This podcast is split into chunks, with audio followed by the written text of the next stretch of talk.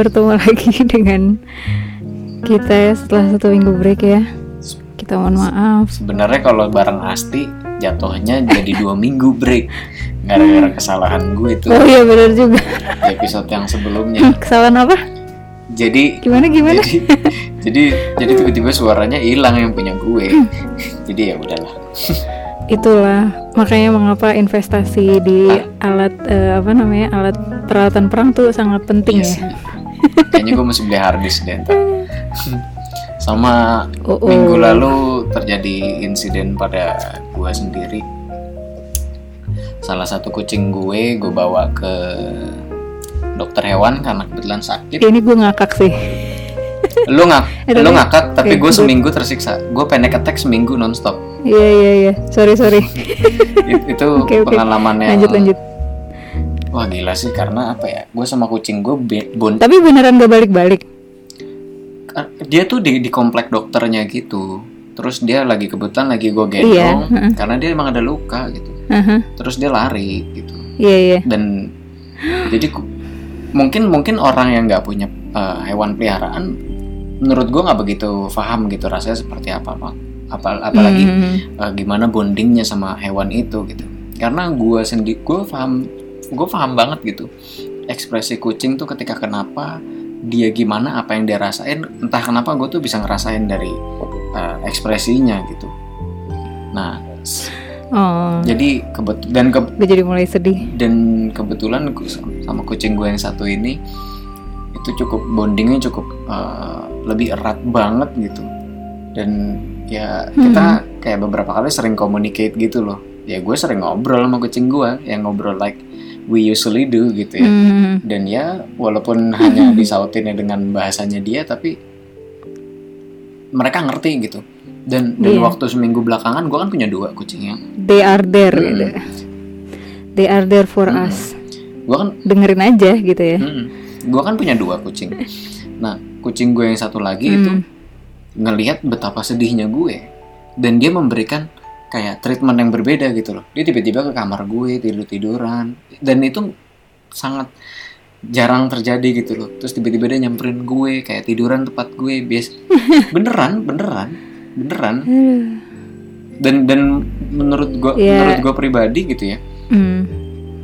buat orang yang mungkin belum paham gitu ya ketika punya hewan peliharaan itu seperti apa coba deh lu lu Hmm. coba deh menaruh posisi hewan peliharaan itu as an your family.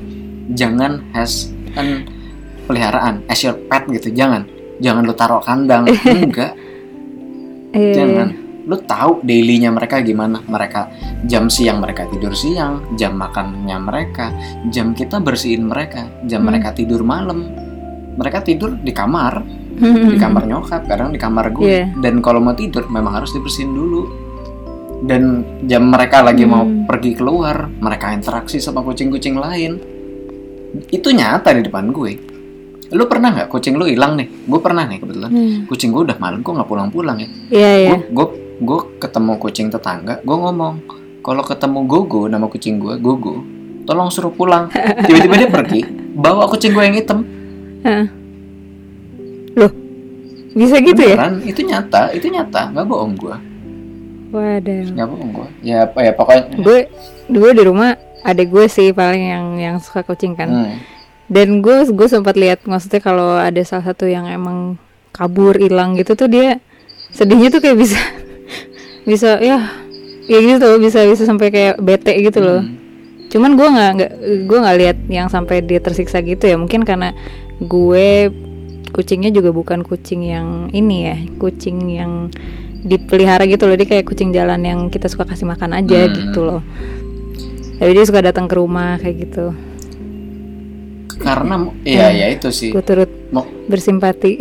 ya mungkin bedanya itu juga sih jadi gue lagi bawa ke Hmm. ke dokter dokter hewan yang kebetulan di kompleknya tuh Mhm. sekitar ada 4 kilo dari rumah gue nah pas pagi-pagi itu dia emang udah kayak ketakutan gitu mungkin karena naik mobil ya nah terus pas mau masuk eh, rumah dokternya dia tiba-tiba lari dan hilangnya di komplek itu ya gitu gitulah jadi kemungkinan besar untuk Hmm. dia untuk balik itu susah banget jauh Iya. jauh itu sih Hmm, 4 kilo ya. ya udahlah Hmm. ya udah jangan terlalu ke situ dulu karena ya dari gue gue pribadi tujuh lu bayangin gue lima hari berturut-turut gue nggak bisa tidur gue kepikiran dan gue setiap harinya panic attack yang gue nggak bisa mengontrol emosi dan apa ya kinerja tubuh gue secara utuh gitu. Dan gue beberapa kali kumatnya di depan nyokap di depan sahabat-sahabat gue. Akhirnya mereka paham gila Sandi panic attack tuh segininya gitu. Loh but well ya gue Hmm. masih dalam tahap recovery so kita harus move on. Ya. kita harus move on. Iya. oke. Anyway, semoga lu bisa move on dengan dengan kejadian. Hmm, yang terjadi minggu lalu ya. ya.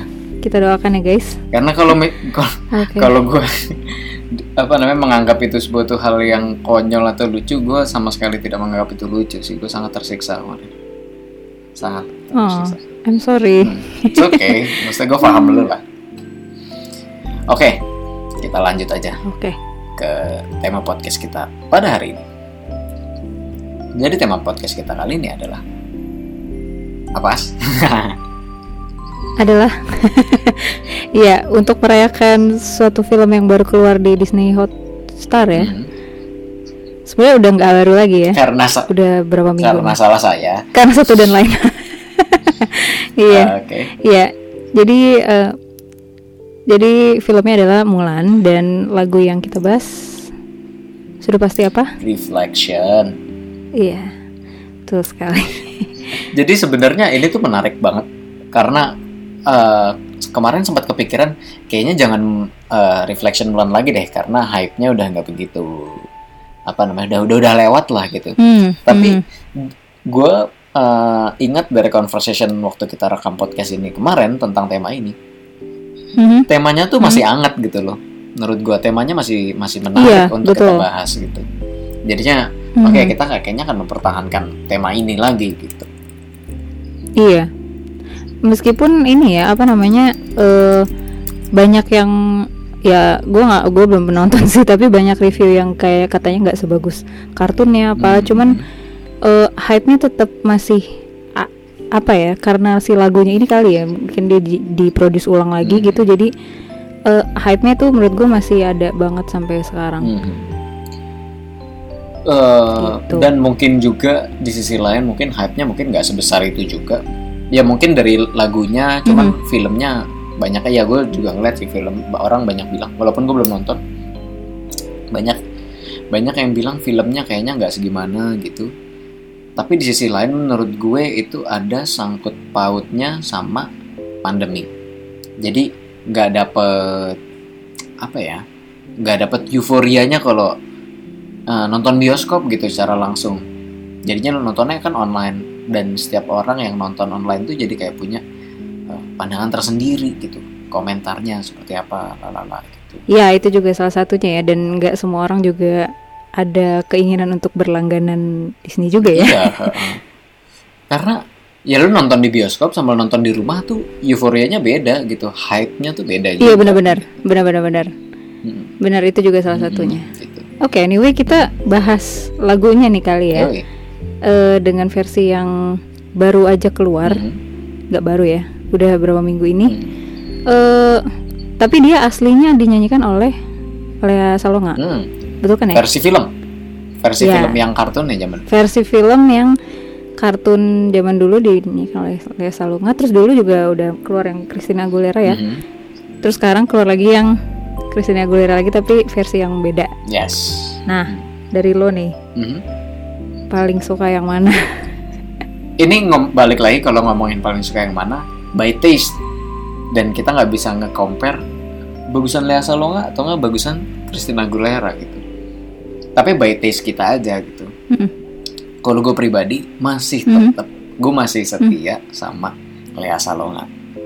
Karena dari Hmm. dari Lea gue nggak tahu ya seneng banget gitu denger apa namanya sound sound princessnya gitu loh bener eh, apa ya kayak dia tuh semacam jadi icon suara gitu voice over icon princess gitu loh buat gua gitu dan Iya. dan bener-bener ngebawa Setuju. dari filmnya gitu loh Nah kalau dari Christina Aguilera sendiri, Mhm.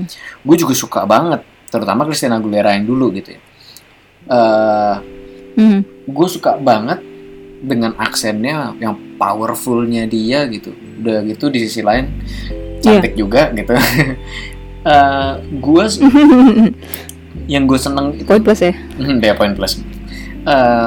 gue sukanya karena dia mengekspresikan eh, liriknya by meaning gitu loh. Maksudnya bener-bener by meaningnya apa yang gue rasakan dari liriknya gitu. Bukan berarti Lea Salonga Hmm. nggak gitu ya, nggak. Cuman Lea Salonga lebih ke filmnya. Kalau Christina Aguilera lebih ke Iya. lagunya. Kalau gue gitu, itu gue. Hmm. Iya, iya, Jadi iya, by iya.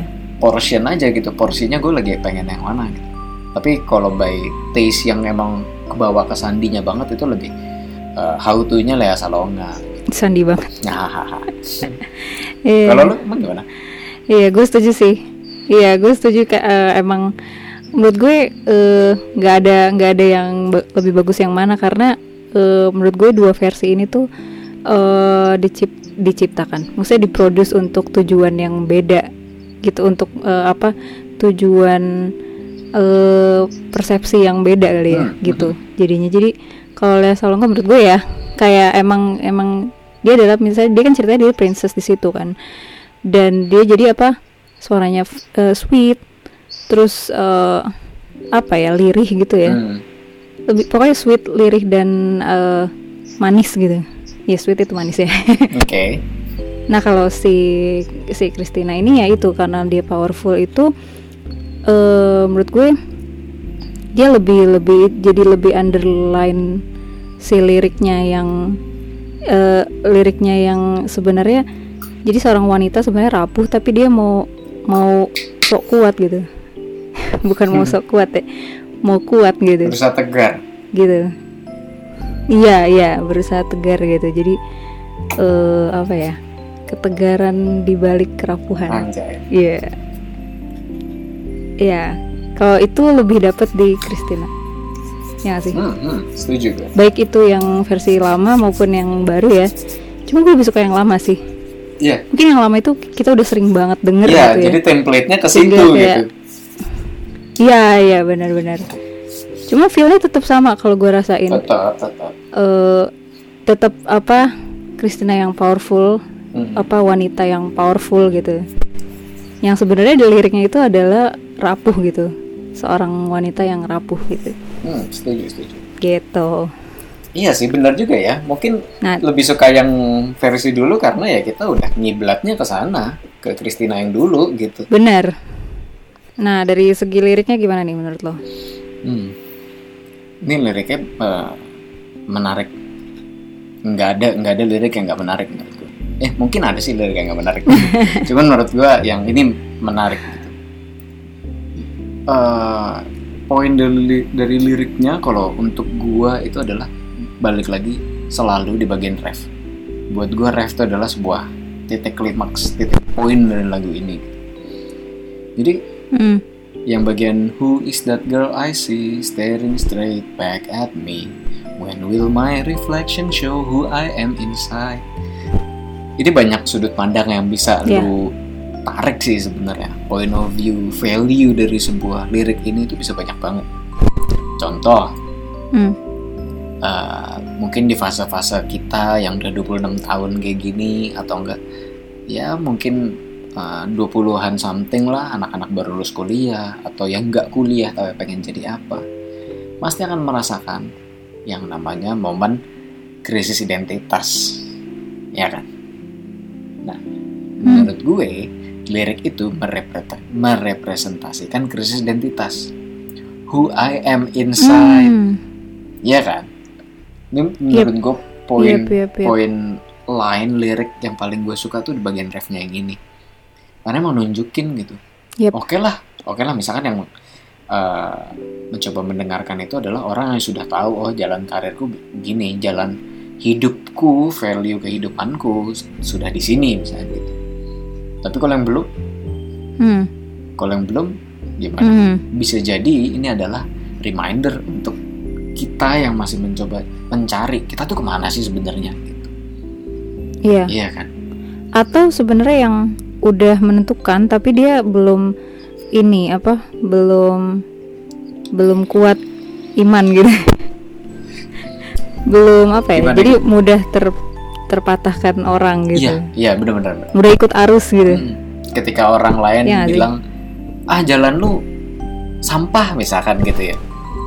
Terus tiba-tiba langsung ciut nggak mau jalan Hmm. gitu. Padahal sebenarnya mungkin itu the true you gitu loh. Apa sih true you? Maksudnya diri lu yang sesungguhnya gitu memang di sana Iya. gitu. Tapi hanya karena beberapa komentar. True self. Iya, true Asik. self. Tapi hanya dari beberapa Hmm. kata orang gitu komentar orang lu berhenti gitu ya menurut gue itu bisa jadi salah satu ini juga gitu referensi juga gitu yang iman imannya masih goyang gitu Men- mencari jalannya di mana gitu kalau kalau lu nih di bagian mana lagi nih as ke lirik-liriknya lu nih Nah, eh gue sendiri ya, eh jujur kalau pertama kali denger itu karena yang nyanyi perempuan dan ini juga lagu Princess, eh eh, yang menggambarkan ini ya apa namanya? Si Mulan ini kan warrior ya, kalau nggak salah. Hmm. Maksudnya dia dia berantem berantem gitu. gue gue sebenarnya belum nonton sih. Tapi maksudnya iya iya apa ya maksudnya dia tuh seseorang yang nggak biasa untuk eh, untuk apa eh, sorry dia eh, profesi yang tidak biasa untuk seorang wanita gitulah ya Hmm. jadi eh, balik lagi gue gue sih tetap melihat dia itu eh, menyembunyikan kerapuhannya Hmm. di balik ketegarannya itu gitu Hmm.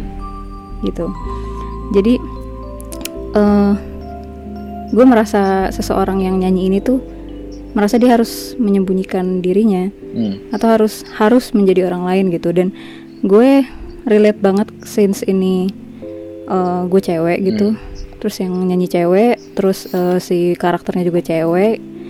Kayak banyak mungkin ap- ap- posisi di mana perempuan tuh harus harus nggak harus ngalah gitu. Ah, harus ya udah deh gue nggak usah terlalu banyak berekspresi atau ya udah deh gue nggak nggak usah eh, apa ya nggak usah memperlihatkan gue sebagaimana gue gitu. Hmm.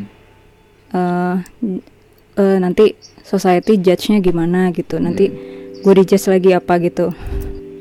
Mungkin eh mungkin relate juga ke zaman dulu kali ya. Kalau zaman dulu itu setahu gue mungkin perempuan nggak boleh bersuara terus nggak boleh sekolah kan. Hmm. pokoknya banyak lah diskriminasi lainnya gitu. Yang membuat eh, apa ya ya udah deh perempuan ngalah dulu gitu. Jadi eh, apa namanya eh, yang kepikiran pertama kali itu Hmm. cuman eh, makin ke sini gue ngerasa ya maksudnya kayaknya yang ngalamin hal itu nggak cuman perempuan gitu kan san Hmm.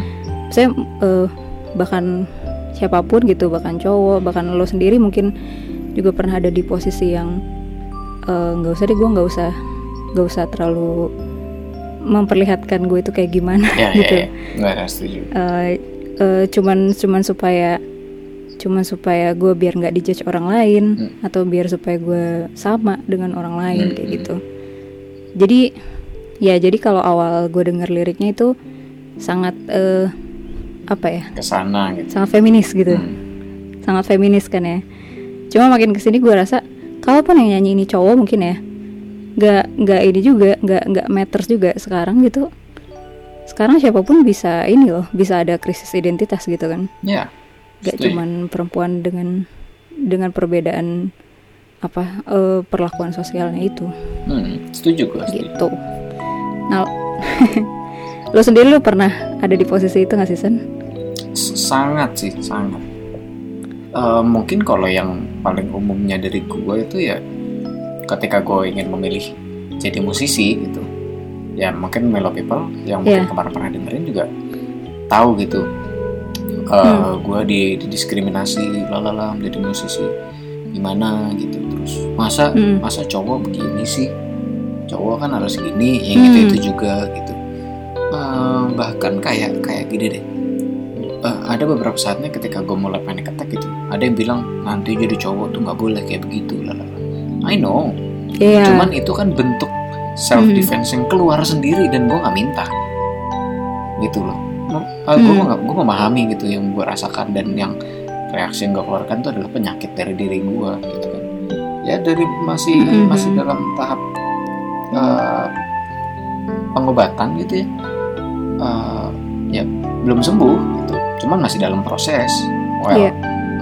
gue juga nggak mau kayak begitu gitu loh dan gue sadar betul kalau dulu Mhm. gue juga nggak gitu karena memang ada peristiwa aja gue jadi seperti ini ya hal-hal kayak gitu gitu loh Mm-mm. stereotip orang yang harusnya lo harus begini harusnya seperti ini menjadi seorang pria lalala cuman bedanya mungkin kalau cowok gitu Iya. ya nggak begitu kelihatan karena satu mungkin ada beberapa orang cowok dengan stereotipnya yang ah lah nggak usah gue pikirin lah ah lah dan di, dan di Iya, sisi lain benar. juga cowok punya ya. punya Mm. punya semacam gengsi yang mereka tutupin gitu loh nggak usah lah gue cerita Hmm. kayak gini nggak usah lah gue bisa hadapin sendiri padahal sebenarnya itu dying dying inside gitu sebuah suatu Iya, iya, iya. hal yang nggak sehat untuk mental lu gitu nah ujung-ujungnya Mhm. malah nggak jadi introspeksi diri jadi keras kepala Hmm, salah satu contoh yang Iya. nggak baik gitu ya sebenarnya banyak hal lagi kalau misalkan lo Mhm. tembak ke gue yang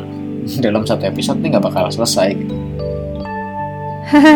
Benar-benar. cuman yang perlu gue garis bawahi adalah ya yang tadi itu cowok juga banyak kena cuman ya Hmm. penyikapannya kadang nggak begitu gimana gitu hanya orang yang mau speak up aja tentang keresahannya dia well sometimes yang speak up aja pun dibilang masa cowok kayak gini tapi tapi tapi Iya. tetap tetap paling banyak sering kena gue akuin gue akui secara pribadi gitu paling banyak sering kena adalah wanita nggak adil Hmm. nggak adil banget. Selalu sering kena Iya benar-benar. kayak gitu hal-hal gitu Iya. kayak kayak lu Bahkan zaman sekarang ya San. Mm-mm. Hmm. kayak lu gue inget tuh cerita lu yang dulu Gimana zaman dulu ya? gue inget gue Aha. inget cerita lu dulu yang dulu main piano waktu lu awal apa Aha. tuh di mana ya ada institusi piano yang apa sih Bintaro ya Bintaro BSD sih Yang mana San? yang itu Oh, bukan Eh? Ya. Yang mana sih? Oke oke. Hmm. Gue nggak ke- San by the way. oke gue salah eh Yamaha ya Oke, lu ngasal. iya, gue ke Yamaha. Eh, Iya. yang itu lu mau ceritain nggak karena menurut gue itu bisa jadi salah satu cerita yang iya. menurut gue Oke. sadar kalau ternyata kita itu uh, Uh-uh. termakan stereotip seseorang padahal mungkin sebenarnya salah kita yang salah Iya, ataupun memang benar-benar. ada stereotip itu yang kena di diri kita gitu gimana sih gimana sih Mm-mm.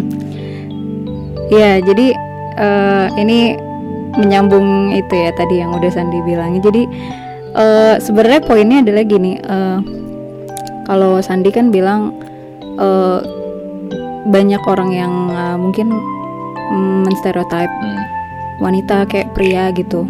Terus abis itu kita yang merasa eh, kita tuh nggak boleh deh kayak gitu. Nah, cuman bisa jadi aja ini tuh eh, senjata buat kita juga. hmm, Kalau kita terlalu mikirin, jadi kita berpikir orang tuh eh, mikirin gue tuh kayak gitu ya. hmm. Padahal belum tentu iya, belum tentu iya juga gitu, ya kan? Kayak kita nggak nggak pernah tahu kapan kapan orang itu benar ngejudge atau enggak gitu. Nah, kalau cerita gue, jadi dulu kan gue waktu kapan ya? Gue umur berapa ya? Gue SMA gitu ya. itu sama awal-awal jadi ya? gue, jadi gue SMA awal. Jadi gue itu baru pakai jilbab di SMA gitu. Hmm. Di SMA awal gitu. Jadi eh gue itu eh, satu-satunya eh, murid di situ di eh, apa namanya di tempat gue les itu eh, yang muslim oke yang muslim jadi rata-rata yang lain itu eh, Kristen dan Chinese gitu ya. Hmm, terus eh, jadilah gue jadilah waktu gue memutuskan untuk pakai jilbab itu gue ragu gitu. Karena kan kalau gue di situ eh, gue harus konser kan.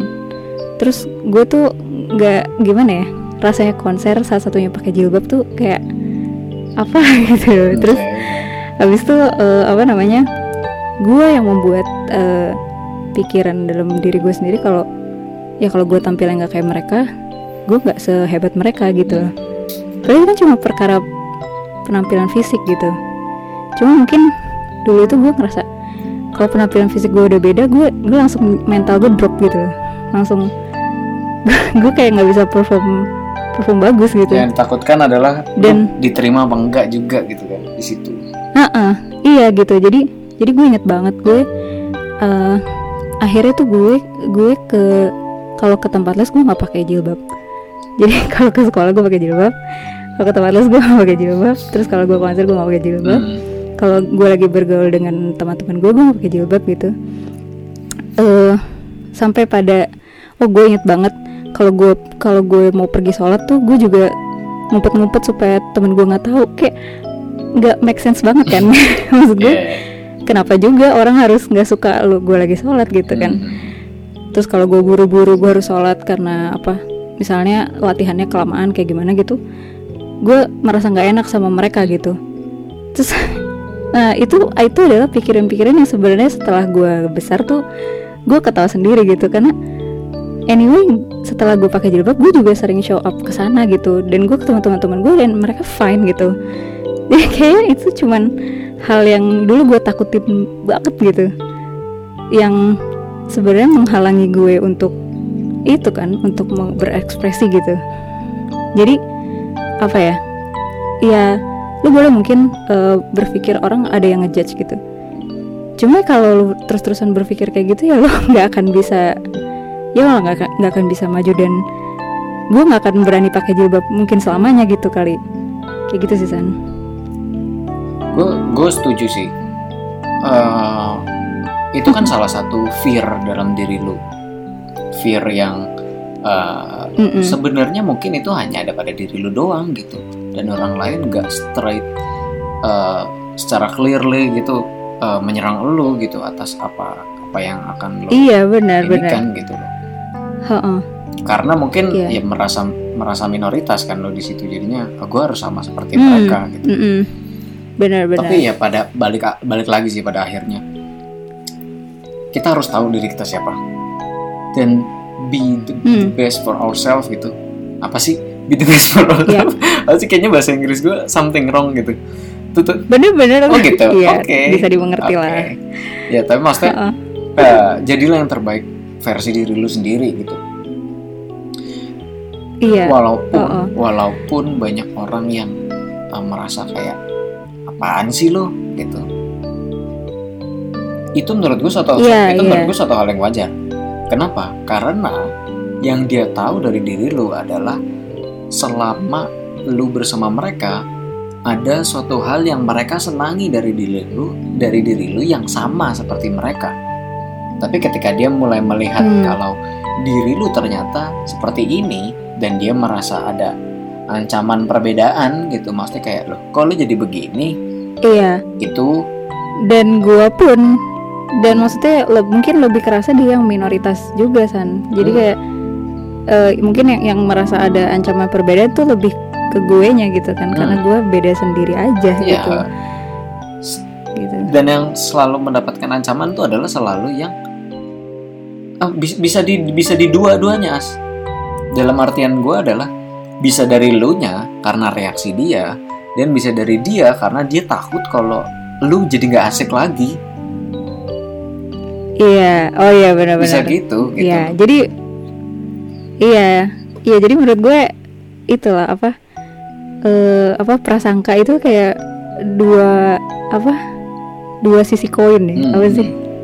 Istilahnya bisa bermata jadi dua. kayak ya itu ya itu itu mungkin meng, meng- apa ya menjaga lu dari berbuat yang aneh-aneh gitu. Misalnya ya kalau lu lu hidup di zaman Soeharto lu nggak akan mungkin bikin post Instagram yang apa gitu kan Hmm. yang yang aneh-aneh gitu Hmm. kan tapi di satu sisi kalau lu terlalu takut akan prasangka orang ya lu nggak akan bis lu nggak akan tahu eh, diri lo yang sebenarnya diterima apa enggak sih Yes. gitu lo nggak akan tahu gitu kan Ya tapi bagi bagi sudut pandangku pribadi adalah menurut gue menjadi diri sendiri adalah kebahagiaan untuk diri lu dan kebahagiaan untuk lingkungan.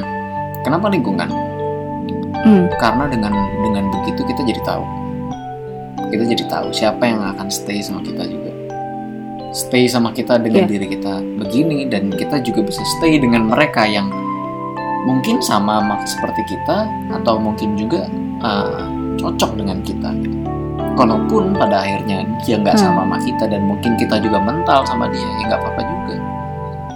Karena setiap orang punya haknya Iya. masing-masing untuk jadi diri mereka sendiri gitu. Selagi tidak merugikan orang lain gitu ya.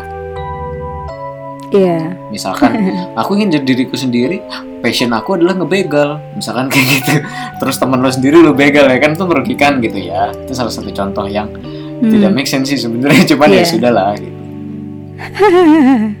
Ya gitu. Ya kita tahu lah Iya, mana iya. yang mana yang baik mana yang enggak gitu. Gitu. Mm-mm. Jadi menurut gua Iya. eh, reflection gitu loh, berkaca pada diri sendiri kalau kita tuh sebenarnya siapa dan kita tuh gimana itu Yep. bisa jadi salah satu gambaran yang bagus gitu dari lagu ini karena memang di, di film itu kan juga nunjukin kalau Mulan tuh sebenarnya gue bukan cewek manja men gitu. gue bisa perang gitu. Gue juga bisa nih jago pedang ibaratnya gitu bahkan gue bisa lebih jago daripada lu gitu gitu Iya. Iya benar. Gimana nih? Melo people mungkin udah mulai ketahuan nih. Aku jalannya di sini. Mulai menemukan jati dirinya kan mau jadi seperti apa dan mau gimana Nah. misalkan. Oh ya Iya. eh, balik lagi. Kira-kira lo ada kesimpulan nggak tentang lagu ini gue? Eh reflection ya. Artinya lo berkaca pada diri lo Eh, menurut gue ya poinnya adalah yang pertama eh lo nggak akan pernah tahu siapa diri lo kalau lo nggak show Hmm. jadi mungkin kadang-kadang gimana ya kalau kalau lo selama ini juga berpura-pura gitu Hmm. bisa lo mingle sama orang lo pura-pura juga jadi orang yang sama dengan orang lain gitu ya lo nggak nggak lo lo nggak akan tahu sebenarnya diri lo tuh yang kayak gimana sih gitu Hmm. kayak kayak lo punya identitas yang beda-beda ketika lo mingle sama orang yang ini sama yang ini sama yang ini gitu Hmm. gitu itu yang pertama jadi lo kalau ya kalau lo nggak coba tunjukin lo sendiri buk- bukan cuman orang yang nggak tahu gitu siapa lo tapi lo sendiri juga bakal nggak tahu lo tuh siapa gitu kan Ya. Terus yang kedua ya itu soal prasangka itu ya Ay, gue nggak tahu kalau ini relate sama eh, lagunya di filmnya atau enggak ya Hmm. mungkin kalau tapi kalau kita tarik ke masa sekarang di kehidupan sehari-hari menurut gue ya eh, kalau misalnya lo masih merasa have to hide your heart harus bersembunyi harus harus apa ya harus eh, apa namanya ya harus bersembunyi lah harus nggak boleh memperlihatkan diri yang sebenarnya. Mungkin lo terkungkung sama prasangka yang tadi itu juga yang gue bilang. Yang sebenarnya nggak seburuk itu gitu. Lu tuh nggak seburuk itu. Orang lain nggak seburuk itu juga nanggepin lu gitu. Tapi lo nya aja nggak berani gitu. Gitu loh. Tapi kalau emang ada yang seburuk itu, lu paham kalau mereka tuh nggak layak buat lu. Dan lu Ya, juga nggak layak paling itu mereka, sih. gitu. Maksudnya you deserve better. ya Lu lu berhak untuk mendapatkan lebih baik lagi dibanding mereka. ya benar toh selama lu lu melakukan Hilang sesuatu yang nggak gitu. merugikan orang lain ya Heeh. nggak gue mengutip kata lo yang selama lo juga mengekspresikan diri lo tuh dengan cara yang nggak merugikan orang lain juga gitu ya lo nggak apa eh, maksudnya nggak akan seburuk itu sih menurut gue kejadiannya gitu cuman kalaupun itu terjadi balik lagi kata Sandi ya lo nggak deserve orang-orang itu Yes. gitu aja Iya. Karena di luar nah dari luar karena di luar sana banyak lingkungan Hmm. yang appreciate sama keputusan lu gitu. banyak yang bener-bener menanti kehadiran orang seperti lu hmm, yakin deh karena terbukti kok di gue. Hmm. iya di lo mungkin di kasusnya Sandi mungkin lebih banyak nih eh eh, Melo people. Kalau mau konsultasi mungkin ya. Kalau kesimpulan dari gue adalah dari lo gimana nih? Hmm. Hah, jadi diri sendiri tuh penting banget. Jujur aja menjadi diri sendiri tuh mahal dan penting banget. Iya. karena karena kita kita jadi tahu gitu diri kita tuh siapa dan gimana dan bisa jadi uh, penentuan penentuan karir penentuan jodoh penentuan apa pun semua rezeki lalala itu bisa jadi datangnya dari situ gitu dan kalaupun itu lama datangnya gitu jangan nggak nggak perlu lu sesali gitu karena lu ada di jalan yang tepat jalan yang benar menurut gue Hmm. kalau Hmm. kesimpulan dari gue adalah ketika itu konsekuensinya berat untuk menjadi diri lu ketika itu konsekuensinya lu harus dijauhi dari orang-orang bahkan orang terdekat lu. Hmm. dari sudut pandang gue pribadi gas aja. Selagi itu nggak merugikan orang lain gas aja. Jalani terus. Hmm. karena gini Mel people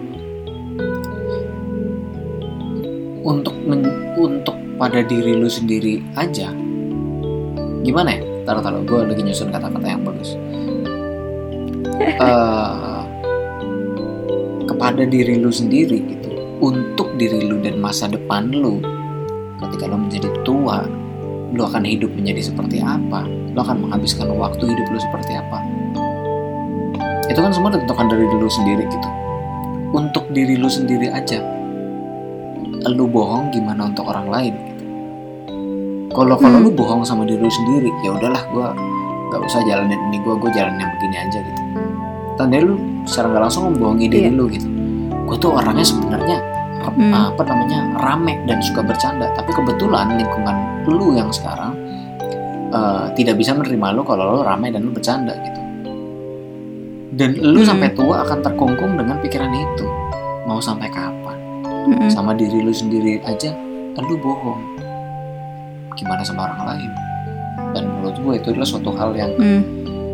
apa ya gue nggak tahu gue uh, berhak nggak untuk ngomong kayak gini tapi menurut gue adalah itu itu Hmm.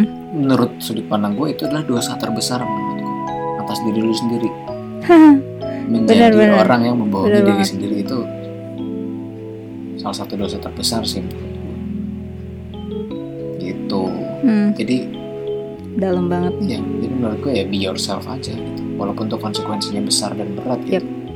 tapi eh, ya balik lagi walaupun konsekuensinya besar gitu misalkan diiniin ya kita coba untuk mengatasi hal itu dengan cara yang baik-baik gitu. kalau tetap tidak bisa diterima juga ya Hmm. kita mundur mundur pelan-pelan tapi tetap kita jalan gitu. ya tandanya ya mungkin lingkungan itu tidak deserve sama lu tidak deserve untuk lu Yep. you deserve better lah karena bener gue gue merasakan sendiri memang bro. Ketika ling- ada satu lingkungan yang tidak bisa menerima gue karena gue seperti apa dan ternyata di lingkungan lain ada Hmm. yang menunggu gue gitu. Ada yang menanti dengan Iya. semua pola pikir gue yang gila gue dulu punya pola pikir kayak begini tuh di dicelain gitu. Apaan sih Nora? Masa cowok masa cowok begini masa ini begitu ya lu mau jadi apa kalau misalkan pola pikir lu begitu? gitu gitu salah satunya adalah pola pikir mellow ini bikin podcast seperti ini gitu terbukti Ya, Gitu, anyhow dari satu lagu ini banyak banget yang ini ya, yang bisa dituai. yes Semakin hari gue merasa semakin banyak loh yang kayak, oh iya ya, lagu ini bisa bercerita tentang ini gitu loh. hmm. Terus lagu ini relate dengan kehidupan gue yang ini gitu, pengalaman gue yang ini. hmm. Waduh. Moga-moga Belok People juga makin hari makin bisa melihat lagu secara lebih dalam ya. Asik. Gak hanya sebatas ya mungkin Dan secara lebih mellow. Enggak.